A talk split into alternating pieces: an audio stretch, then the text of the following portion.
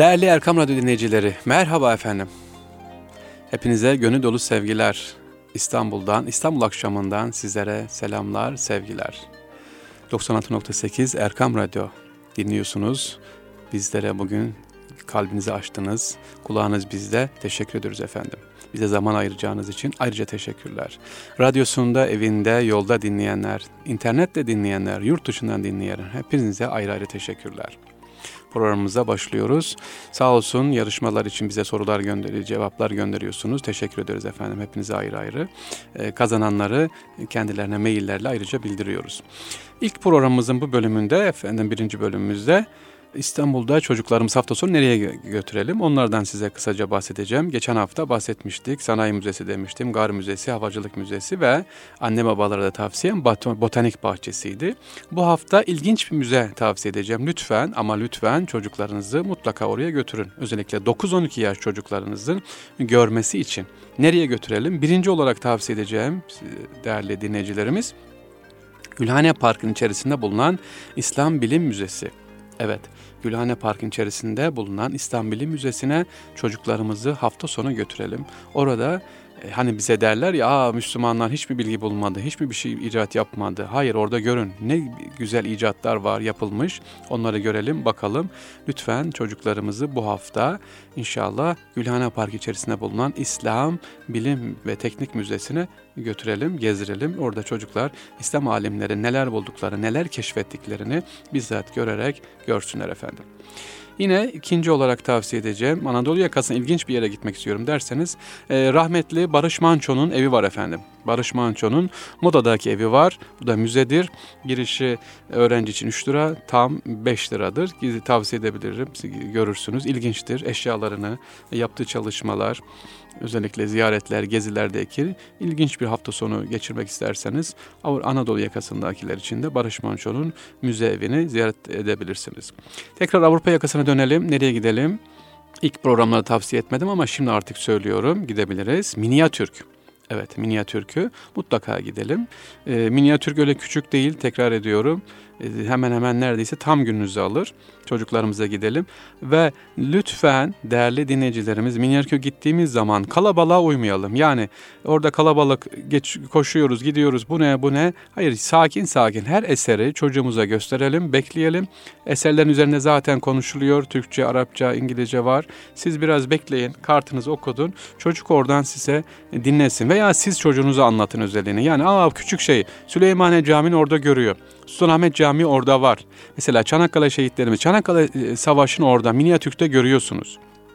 Hızlı geçmeyelim. Sizler anne babalar lütfen orada bizzat o objeyi, oradaki eseri anlatalım, bakalım. İşte Ankara'dan Hacı Bayram Veli Hazretleri'nin türbesi orada var. Türkiye'nin değişik yerlerden güzel eserler minyatürkte var ama tekrar ediyorum. Ha, bırakıp çocuğu gitmeyin. Bizzat elinden tutup anlatın ne olduğunu, eserlerin özelliklerine bakın ki ondan sonra inşallah İstanbul'un diğer eserlerini e, görsünler, tanısınlar.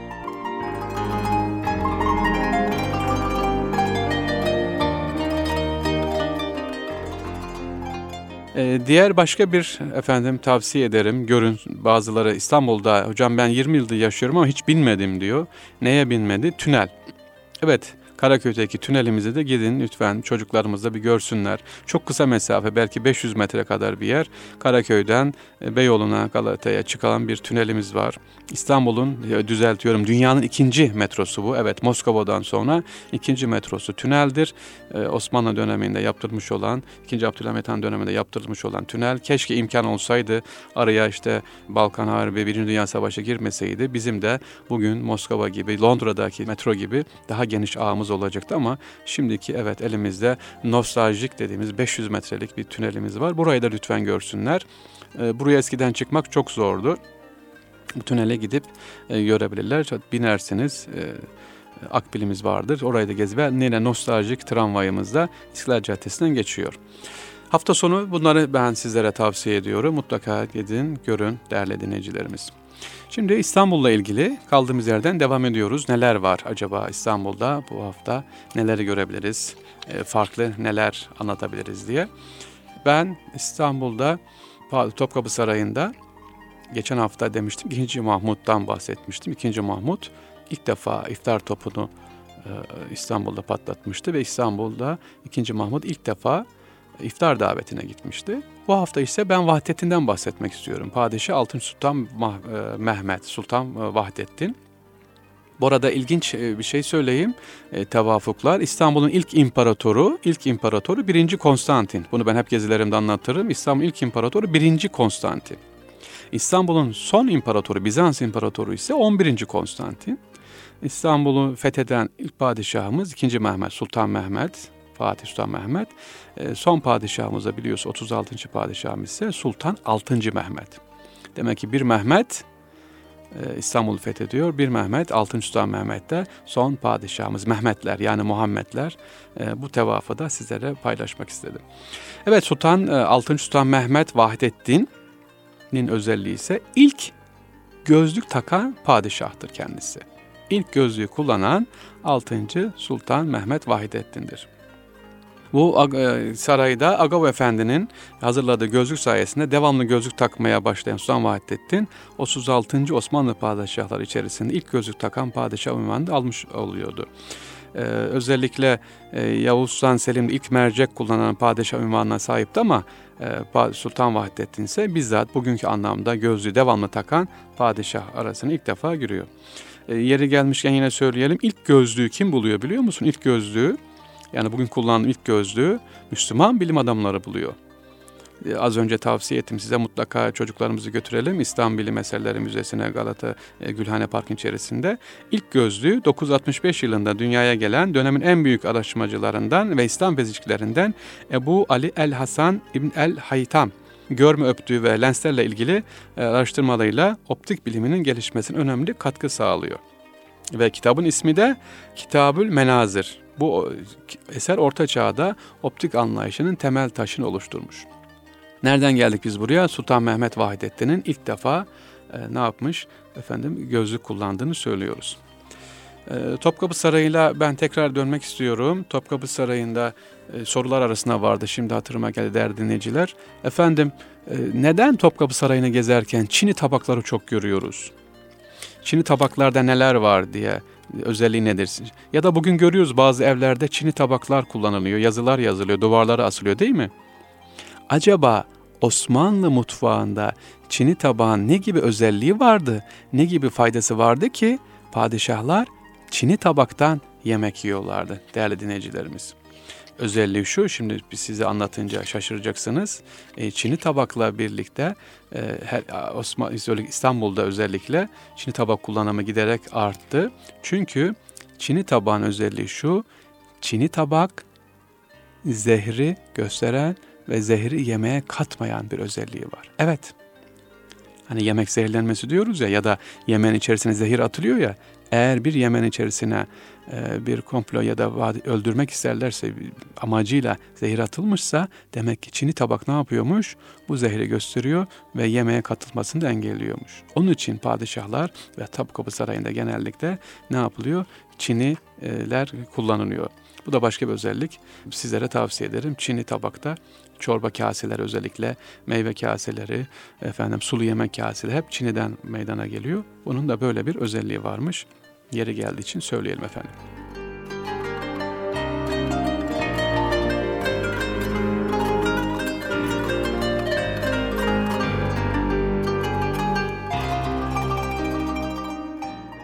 Ee, devam ediyoruz. İstanbul'da farklı bir cami bu hafta sonu sizlere gitmenizi tavsiye ederim. Farklı bir cami var. Topkapı'da eski kale içi dediğimiz e, Topkapı otobüsten olduğu yerde bir cami var. Bu caminin özelliği nedir? Bu caminin kapısına girdiğiniz zaman değerli dinleyicilerimiz, caminin giriş kapısı küçük. Yani camiye girerken hem dar hem küçük. Camiye girerken böyle boynunuzu aşağı doğru eğeceksiniz. Ama cami içerisine girdiğiniz zaman diğer camilerde olmayan bir, bir şey var. Nedir bu? Caminin pencereleri çok büyük, devasa büyük. Yani sanki duvar yok, duvar yerine pencere yapılmış. Acaba neden böyle bir şey yapılmış? Bu estetik amacıyla mı yapılmış? Hayır dedik ki İstanbul'da her eserin mutlaka bir işlevsel bir özelliği var. Tasavvufi bir manası var. Evet bu camimizin ismi Topkapı'da, Topkapı semtinde Kara Ahmet Paşa Camii'dir. Karaahmet Paşa Camii'dir. Adını banisi Kanuni Süleyman'ın sadrazamlarından Karaahmet Paşa'dan alır. E, kim ben Karahmet Paşa? Ben biraz ondan bahsedeyim. Karahmet Paşa sarayda yetişmiş. Kapıcı başı olarak e, başlıyor görevine ve Yeniçeri ağası olarak da çıkıyor. Rumeli Beylerbeyi oluyor. İkinci vezir oluyor. 1552'de e, Temeşvar'ı zapt ediyor. Bundan dolayı da Osmanlı tarihinde Temeşvar Fatih olarak da alınıyor. Bu e, Gazi Kara Ahmet Paşa. Kanuni Sultan Süleyman'ın kız kardeşi Fatma Sultan ile evleniyor. E, evleniyor ve damat özelliğinde kazanıyor. E, Karahmet Paşa cami yaptırıyor, mimarsını yaptırıyor ama fakat bu cami için bir şey diliyor. Diyor ki diğer camilerden farklı olsun. E, caminin özelliği nedir? Efendim dediğim gibi kapının girişi küçük, cami ana kapısı küçük, pencereleri çok büyüktür. Çünkü bakın hikaye nasıl anlatıyor bize kaynaklarımız. Mimar Sinan Paşa'nın hikayesini biliyordu. Paşa'nın hayatında e, tasavvuf özelliğini biliyordu. Şöyle diyordu, e, kapı küçük çünkü Paşa sağlığındayken çok konuşmazdı çok konuşmayı sevmeyen biriydi. İşte bunun için ağız sadece yere geldiğinde konuşulacak, yere geldiğinde açılacak önemli bir uzvumuz. Dil dudak debreşmeden anlaşmak işte işin sırrı burada. Onun için diyor caminin kapısını küçük yaptım. Caminin kapısı ağız, ağız diyor vara yoğa konuşmayacak, dil e, konuşmayacak, yere geldiğinde konuşacak. Caminin kapısını bundan dolayı küçük yaptım. Çünkü yaptıran kişi Karahmet Paşa çok konuşkan birisi değilmiş. Pencere nedir? Pencereyi niye büyük yaptım diyor e, kendisi. Pencere ise kalptir. Kalp gözü açık olan insan dünyaya değil sadece tüm evrene bakar. Tüm dünyaya ayrım yapmadan kucaklar, yaratılanı sever yaratandan ötürü.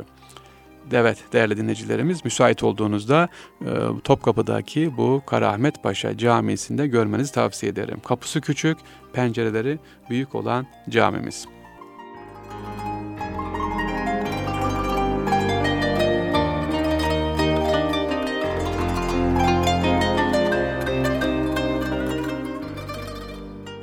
Geçiyoruz. Başka ilginç olan bir camimiz var mı acaba diye efendim. İlginç bir camimiz daha var. Minarelerin şerefelerinde nazar boncuğu olur mu? Bunu da anlatalım. Ara vermeden önce minarelerin şerefesinde nazar boncuğu olur mu? Hani var ya bildiğimiz mavi gök boncuk diyoruz ya. Hocam hiç olur mu? Görmedik biz. Ama bakın var. Nasıl var? Vezmi Alem Valide Sultan yaptırdığı kendi adıyla bilinen caminin minarelerine nazar boncuğu konmasını istiyor. Mimar da diyor ki şaşırıyor tabii Garabat Balyan'a rica ediyor. Valide Sultan minarelerin farklı olmasını ve diğer camilerde olmadığı şekilde gök boncuk dediğim ya da mavi boncuk dediğimiz bir şekilde mavi boncuk olmasını istiyor. Bunun o mümkün olmadığını söylüyor.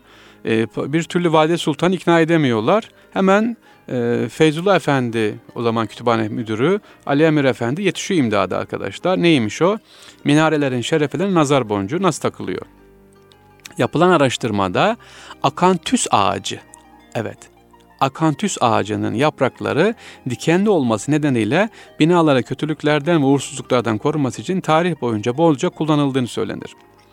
E, Garabat Balyan Usta da yani cami yaptıran e, mimari bu bilgiyi alarak e, efendim Valide Sultan'a söylüyor. Diyor ki efendim Yunan ve Mısır medeniyetlerinde bu ağaç kullanılmış. Özellikle negatif enerjiyi çektiği için koruyucu kalkan görevi yapıyormuş. Biz isterseniz nazar boncuğu yerine diyor akantüs ağacının yapraklarını kullanalım diyor. Ve padişah e, annesi Valide Sultan da Bezmialem Valide Sultan kabul ediyor. Ve ilk defa minarede Bezmialem Valide Sultan Camii'ne bakarsanız akantüs ağacının bu yaprakları vardır e, akantüs ağacı yaprakları kullanılmasından sonra adeta minarelerde bu ağacın yaprağını kullanma geleneği de hızla artık e, başlanıyor.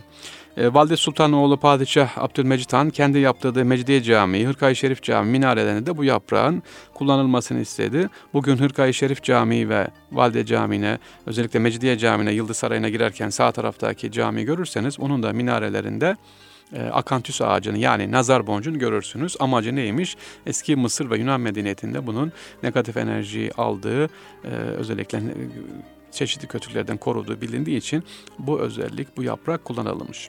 Böyle bir yani minarelerde baktığınız zaman aa bu yaprak nedir, niye konulmuş dediğiniz zaman bu yaprak neye benziyor? Demek ki ağacı akantüs ağacıymış.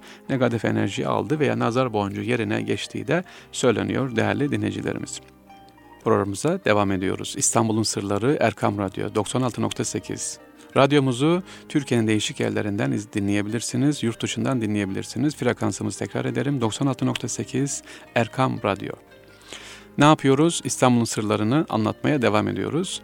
Ama her zaman olduğu gibi yine ikinci bölümümüze başlamadan önce sorularımız var. Acaba bizi dikkatli dinlediniz mi? Birinci bölümümüzdeki anlattıklarımızdan kısa bir sorumuz var. Üç tane sorumuz var. Sorularımızı sarrafoğlufahri.gmail.com adresine gönderirseniz efendim bu cevapları, sorularımızın cevaplarını size inşallah Erkam yayınlarından kitap göndereceğiz. Sorularımızı hazır mısınız? Kağıt kaleminiz hazır mı? İlk sorumuzu soruyoruz. Efendim ilk defa ilk defa gözlük kullanan padişah kimdir? İlk defa gözlük kullanan Osmanlı padişahı kimdir? Birinci sorumuz bu. İkinci sorumuz İstanbul'da kapısı küçük, penceresi çok büyük olan cami hangisidir? Kapısı çok küçük ama penceresi çok büyük olan cami hangisidir? Ve üçüncü sorumuz ilk defa nazar boncuğu, minaresinde nazar boncuğu olan cami hangisidir? Minaresinde negatif enerji alan nazar boncuğu olduğu e, bilinen, söylenen efendim e, camimiz hangisidir? Sorularımızı böyle söyledik. İnşallah cevaplarınızı bekliyoruz. Sarrafoğlu fahri.gmail.com Peki devam ediyoruz efendim. Geçiyoruz. İlginç İstanbul'la ilgili bilgileri vermeye. Ben bugün sizlere e, Beyoğlu'ndan kısaca bahsetmek istiyorum. Beyoğlu'ndan bir apartmandan bahsetmek istiyorum size. Mısır apartmanından bahsetmek istiyorum. Her geçtiğimde önünden efendim hüzünlenirim. Önünden her geçtiğimde hüzünlenirim. Neden hüzünlenirim? Aklıma Mehmet Akif gelir. Evet Mehmet Akif Ersoy ne demişti? Bu şehadetler ki ezanlar ebedi ne nedir? Dinin temeli ebedi benim üstümde. Ee, Mehmet Akif'in özü ezanla ilgili çok ön hassasiyeti ezan. İstanbul'un sırlarında en önemlisi ezan. Ezan seven Mehmet Akif. Bu şehadetler ki bu ezan sesi benim üzerimde hiç ne yapmasın dinmesin diyor Mehmet Akif. Peki Mehmet Akif nerede öldü, nerede vefat etti? Bir cami kenarında mı vefat etti? Ezan sesi altında mı vefat etti değerli dinleyicilerimiz? Hayır Mehmet, Mehmet Akif'e baktığımız zaman, hayatına baktığımız zaman Mehmet Akif, arkadaşlar değerli dinleyicilerimiz Mısır apartmanının e, beşinci katında orada vefat etti. E hocam ne var bunda? Evet yanında Mısır apartmanının yanında e, burada e, Beyoğlu'nda efendim şimdiki bulunan Sen Antonio Kilisesi var. Ve orada camide tabi ileride A cami var çok uzak. E, tedavi olduğu için Anadolu yakasından buraya geliyor. Burada kalıyordu diyebiliriz ki Mehmet Akif ezan sesine hasret miydi? Evet ezan sesine son dönemlerinde e, şimdikine bakarsak şimdi bile e, Taksim'de cami sayımız çok az. Bir de o dönemi düşünün sadece o dönemde A Camii ve ileride e, Müeyyitzade camimiz var. Daha önce bahsetmiştim. Mehmet Akif'in e, ömrünün son yıllarını geçirdiği Mısır apartmanı burası. Akif burada öldü. Evet 100 yıl aşkın süredir ayakta kalan apartmanın dairelerinde pek çok önemli kişinin yaşadığı bilinmekte. Bunlardan birisi Mehmet Akif Ersoy. 10 yıl kaldığı Mısır'dan 16 Haziran 1936 tarihinde Türkiye'ye dönüyor ve bu apartmanda bu daire, bir daire yerleşiyor. Ölümüne yakın e, son 6 ayını bu apartmanın ikinci katında kalıyor. Burada yetişiyor, burada vefat ediyor. İstiklal Marşı şairimiz cenazesine maalesef o dönemde hiç ilgi gösterilmiyor hükümet tarafından. Hatta duyurulmadı bile. Birkaç vefalı dostunun himmetiyle defnediliyor. Özellikle Mehmet Akif'in şu anda rahmetle anlıyoruz. Edirne Kapı Şehitliği'ndeki mezarında sizlere tavsiye ederim. Mutlaka görün, e, ziyaret edin, fatihalar hediye edelim. Mısır apartmanın özelliği, yeri gelmişken söyleyelim. Bu apartmanda kimler kaldı? Türk şairlerden Mithat Cemal Kuntay bu apartmanda yaşadı ve burada öldü.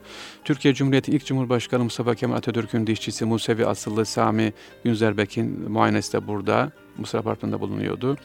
Ee, yine burada özellikle o dönemde Mısır apartmanında e, çeşitli kim evleri, moda evleri de burada var.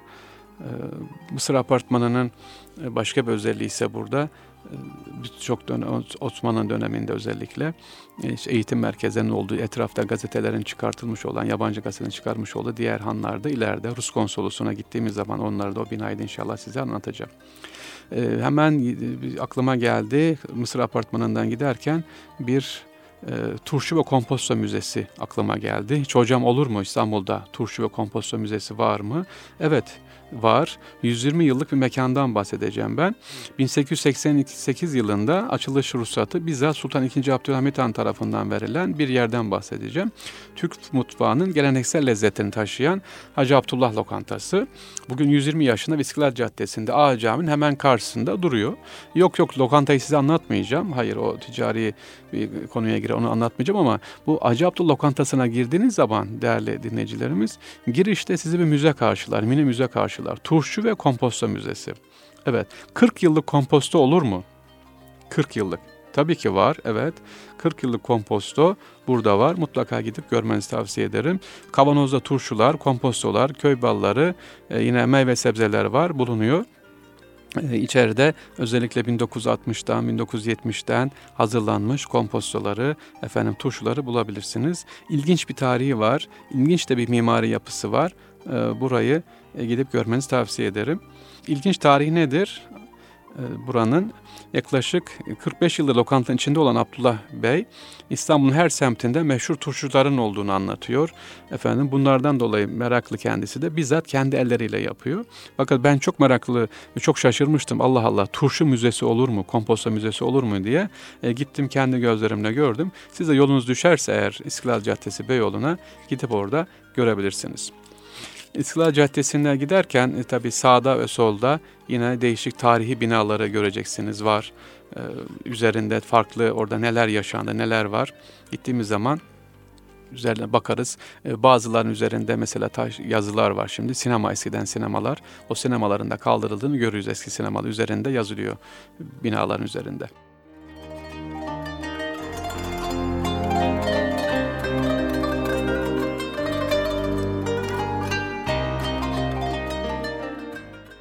Ben Galata Kulesi'nden şimdi sıra geldi. Galata Kulesi'nden bahsetmek istiyorum. Galata Kulesi'nin asıl adının ne olduğunu anlatacağım. Galata Kulesi diyoruz biz ama acaba Cenevizler burayı yaptırdığı zaman Galata Kulesi'ne ne ad vermişler? Osmanlı padişahın ismini veriyorlar. Bir Osmanlı padişahın ismi. Biz şu anda Galata Kulesi diyoruz ama Cenevizler Galata demiyorlar. Ne diyorlarmış? Evet yanlış e, duymadınız. Galata Kulesi'ne Cenevizler başka isim veriyorlardı. Fatih Sultan Mehmet'in babası 2. Murat'ın ismini veriyorlardı. Murat Kulesi Galata surlarına. Neden bu acaba 2. Murat'ın ismini vermişler Galata Kulesi'ne? 1384 yılında Cenevizler tarafından Galata surlarına ek olarak bir kule yapılmasına karar veriliyor. Padişah 2. Murat da bunu duyunca Cenevizlere 3000 altın gönderiyor ki kulenin yapımında kullanılsın diye. Daha önce 4. Haç Seferler sırasında epey zarar gören Galata surları da bu verilen parayla ciddi bir tamir görüyor ve Cenevizler teşekkür olarak da Sultan II. Murat'a jest olarak bu yeni yapılan kuleye yani şimdiki Galata Kulesi'ne 2. Murat Kulesi adı veriyorlar. Ee, burada tabii ilginç bir anı daha var. Bir kaynaklarda bilgi geçiyor. Fetihten sonra 1453'te fethediliyor ya İstanbul değerli dinleyicilerimiz. Ee, uzun bir yaklaşık iki yıl boyunca hemen hemen 1455 yılına kadar burada Osmanlı bayrağı dalgalanmıyor. Acaba neden? Ceneviz bayrağının dalgalanmasına Fatih Mehmet Han müsaade ediyor. O da tabi ilginç ve önemli. Ee, İstanbul'un o kalın surlarını Sultan Mehmet Han e, geçtiği halde bu Galata surlarına neden geçmiyor? Neden orada e, fetih çalışması olmuyor ya da Osmanlı bayrağı dalgalanmıyor? İlginç şundan dolayı kambiyo sistemi yani para sistemi den dolayı Osmanlı parasını değil o dönemde İstanbul halkı Hollanda altın dediğimiz yani guldeni Bizant altını kullanıyorlardı. İstanbul'un ekonomik sistemi bozulmasın, piyasada alışveriş sırasında karışık olmasın diye çünkü orada para sisteminin merkezi, para sistemi, kambiyo sistemi bozulmasın diye bir müddet oraya müsaade edildi. E, 1455 Haziran ayına kadar bu bölgeye dokunulmadı. 1455 Haziran ayında sembolik olarak bugünkü Azap Kapı civarında Galata surlarının bir bölümü sembolik olarak yıkıldı. Şu an Haliç metrosunun geçtiği yerde yani Haliç tarafındaki ayağın olduğu yerde bu Galata surlarının kendisi vardı. Galata Kulesi'nin, bugünkü bildiğimiz Galata Kulesi'nin bir başka özelliği de var. İlk e, rasethanedir değerli dinleyicilerimiz. Kule Türklerin eline geçtikten hemen sonra tamir ediliyor. Özellikle 16. yüzyılda Kasımpaşa tersanelerinde çalışan Hristiyan harp esirlerinin barınağı olarak kullanıyor burası. Sultan 3. Murat'ın müsaadesiyle burada Takittin Efendi tarafından rasethane kuruluyor. 4. Murat döneminde hatırlayın Hazar Efendi Ahmet Çelebi tahtadan yaptırdığı kartal kanatlarını iki tarafına takarak ok meydanı rüzgarlara kol, e, Üsküdar'a geçiyor biliyorsunuz.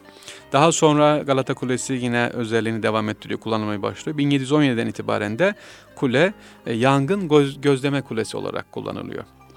Yangın ahalinin duyulabilmesi için büyük bir davul çalınarak haber veriliyor. 3. Selim döneminde çıkan bir yangında kulenin büyük bölümü de yanıyor tabi bu arada.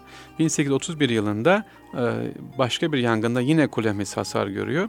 En son ciddi çalışma 1960 yılında tamirat başlıyor. 67 yılında 7 yıl sürüyor bu tamirat. E, efendim şu anda da kulemiz Galata Kulesi bir özel şirkette gezilebilir.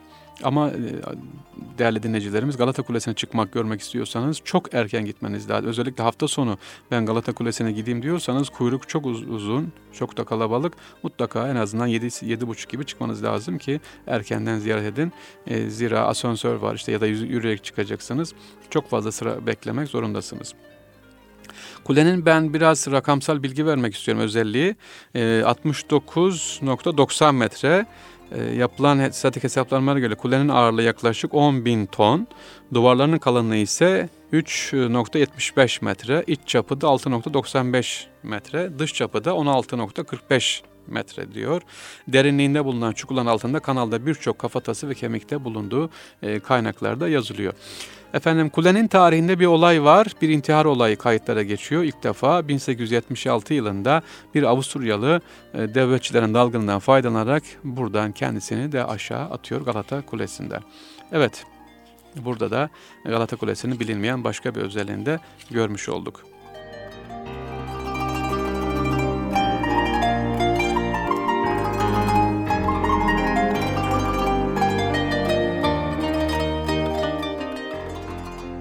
İstanbul'da e, farklı bir yerde e, taşın altında hep farklı bir eserlerimiz çıkacak.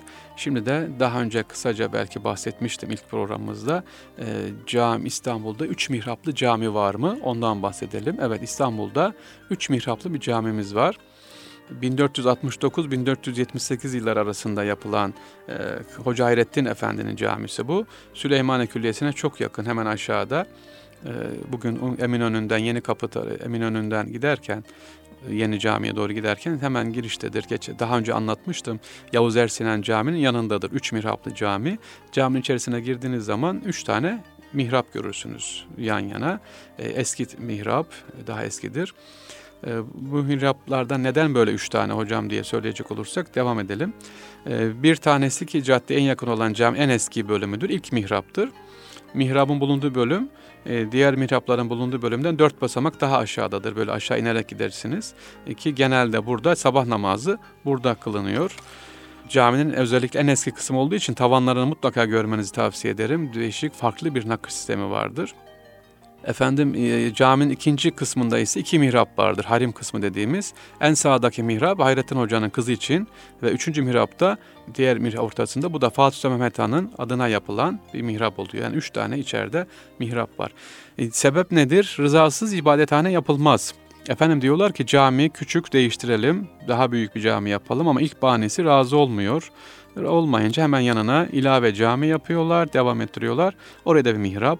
Gene yetmiyor tabii cami. Üçüncü defa büyütülecek. Hadi hepsini yıkalım toptan yeni büyük bir cami yapalım. Yok e, rıza olmadığı için üçüncü mihrapta yine yan, yan tarafına ne yapıyor? Yapılıyor.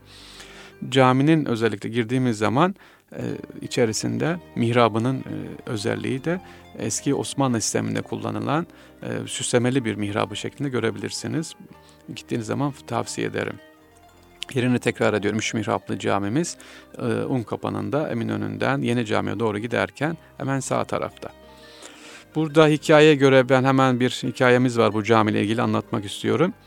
Caminin yanında çok Müslüman esnaf olmadığı için e, caminin yapılışını ilk dönemde gereksiz görüyorlar. Ya bu cami buraya niye yapılıyor diye. Fakat zamanla Müslüman halk burada çoğalınca bu sefer de cami yetmez. E, Hoca Hayrettin Efendi e, gelininden, kendi gelininden camiyi genişletmek için evini istiyor. E, gelini de istemesinin sebebi ise oğlu Ahmet Efendi Şam kadısıyken orada vefat ediyor. Gelini miras kaldığı için ona vermek istemez. Sonrasında da benim için mihrap yaparsan veririm der ve ikinci mihrap işte hikayesi bu şekilde yapıyor. Hoca Hayrettin Efendi'ye özellikle Fatih Mehmet Han diyor ki o dönem yaptı, ikinci mihrap yaptırırken e, ilave yap, gelinin ve benim için de birer mihrap yap der. Böylelikle bir anda tek mihraplı cami büyüyor, iki mihraplı ve üç mihraplı bir cami haline gelmiş oluyor. Niye? İşte rızası olmaz. Hem gelinin rızasını hem de Fatih Mehmet Han'ın hatırı var burada. Hem de ilk yaptıran caminin, yaptıran kişinin hatırı var. E, camimizden geçerken daha önce de anlatmıştım bana tekrar soruldu. Şimdi yere gelmişken söylerim efendim. Cami pencerelerindeki demiri soruyorsunuz. Bunu anlatmıştım. Sorular arasında var bu hafta. Cami pencerelerindeki demirler neden aynı diyorsunuz. Türbelerdeki demirler neden aynı? Ee, efendim buna demiştim ki zıvana diyoruz biz o yuvarlak halkaya. Yukarıdan aşağıya ve sağdan sola gidiyor. E, zıvanadan çıkma aslında bir duadır. Osmanlı mimari üslubunda zıvana mimari yapılarda bir çeşit geçmeli kilit biçimini ifade eder. E, daha çok ahşap veya taşlı bir direğin sütun oturtulduğu dişi oyu da ifade ediyor. Ama manası nedir tasavvuf manası? Bir cami ya da türbeye girdiğiniz zaman böyle demir gördüğünüz zaman nedir o? Efendim e, Kur'an ve sünnet. Rabbim beni Kur'an ve sünnetten ayırma dendiği için, o manaya geldiği için de tüm camilerde ve türbelerde görürsünüz. Rabbim beni Kur'an ve sünnetten ayırma diyoruz. E, bununla ilgili olarak da her, her camide görebilirsiniz zıvana. Yani Rabbim bizi zıvanadan çıkartmasın. Rabbim bizi nedir? Efendim e, Kur'an ve sünnetten ayırtmasın inşallah.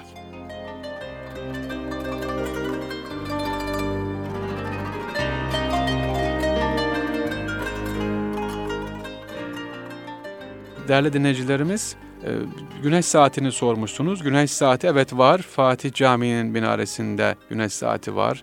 E, Pazar Tekke'deki Topkapı'daki cami minaresinde var. Hadim İbrahim Paşa Camii'nin e, minaresinde yine var. Yusuf Paşa'daki Murat Paşa Camii'nde minaresinde güneş saati var. Güneş saatimiz çok önemli. E, vaktin özellikle nasıl vaktin girdiğini bize ne yapacak? Güneş saati haber veriyor ki muvakkıthane denilen bezli hazirelerde var. Mesela Ayasofya'ya girdiğiniz zaman Ayasofya'nın girişinde muvakkıthaneler vardır ki zamanı bize hatırlatıyor, gösteriyor. Ezan vakitlerinin girdiğini ya da Ramazan vakitlerini anlatıyor bu güneş saatleri. Ben tekrar şimdi sözü Cevri Kalfa'ya getirmek istiyorum. Ee, geçen hafta ziyaret ettim. Aklıma takıldı. Anlatmak istiyorum değerli dinleyicilerimize. Cevri Kalfa'yı rahmetle anmak istiyorum. Sonahmet Camii'ne geldiğiniz zaman Sonahmet Köftecisi'nin olduğu yerde İstanbul Edebiyat Vakfı'nın, Türk Edebiyat Vakfı'nın olduğu bina Cevri Kalfa'nın binasıdır. Bu Cevri Kalfa kimdir? Tarihte bir hanımefendi nasıl bir hanedanı kurtardı, nasıl bir padişahı kurtardı ondan bahsetmek istiyorum. Cevri Kalfa özellikle 3. Selim döneminde yani tarih 1808'e gösterirken Topkapı Sarayı tarihin en acı olaylarından birini yaşıyor değerli dinleyiciler. İsyan çıkartan Yeniçeri işi o kadar ilerletiyor ki hareme kadar gidiyor ki hareme pek girilmez. Harem dairesini basan 20 kadar azılı serseri e, tekrar 2. Mustafa'yı tahta çıkartmak için 3. Selim Han'a doğru efendim atak yapılıyor. Onu öldürmeye çalışıyor ve tabii öldürüyor. Şehzade Mahmud'un peşine düşüyorlar. Şehzade Mahmud'u öldürecekler. Üçüncü Selim şehit ediliyor. İsyancılar üçüncü Selim'i şehit ediyorlar.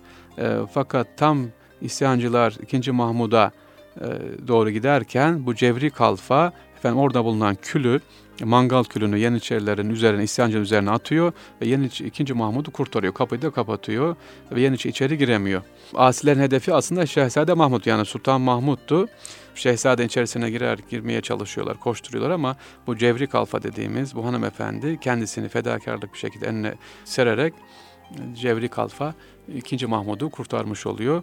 E, bu şekilde bunun üzerine e, Şehzade Sultan ikinci Mahmut padişahta geçin Cevri Kalfa'ya hediyelerde bulunuyor. O da bu hediye karşılığında, ikramlar karşılığında bugün Sultanahmet'in karşısında bulunan Cevri Kalfa Mektebi'ni, Sibyan Mektebi'ni yaptırıyor mektep bugün hala ayaktadır durur. Yani padişah olan vefasından onu kurtarmasından dolayı İstanbul'un birçok yerinde de böyle hayır hizmetlerini, hanımların yaptırdığı hayır hizmetlerini görebiliriz. Sultan Mahmud'un da vefalı halini e, bize göstermiş oluyor. Evet uğradığınız zaman Sultanahmet'te Cevri Kalfa Mektebi'ne şöyle baktığınız zaman 3. Selim'in şehit edilişini, 2. Mahmud'un tahta çıkması sebep olan Cevri Kalfa'yı da hatırlayabiliriz. Değerli dinleyicilerimiz bu hafta yine farklı yerleri gördük, anlattık. İnşallah haftaya tekrar birlikte olalım sizlerle efendim. Bizi dinlediğiniz için, bize zaman ayırdığınız için, kulaklarınızı bize verdiğiniz için çok çok teşekkür ederiz. Allah hepinizden razı olsun. Teşekkür ederim efendim. Allah'a ısmarladık.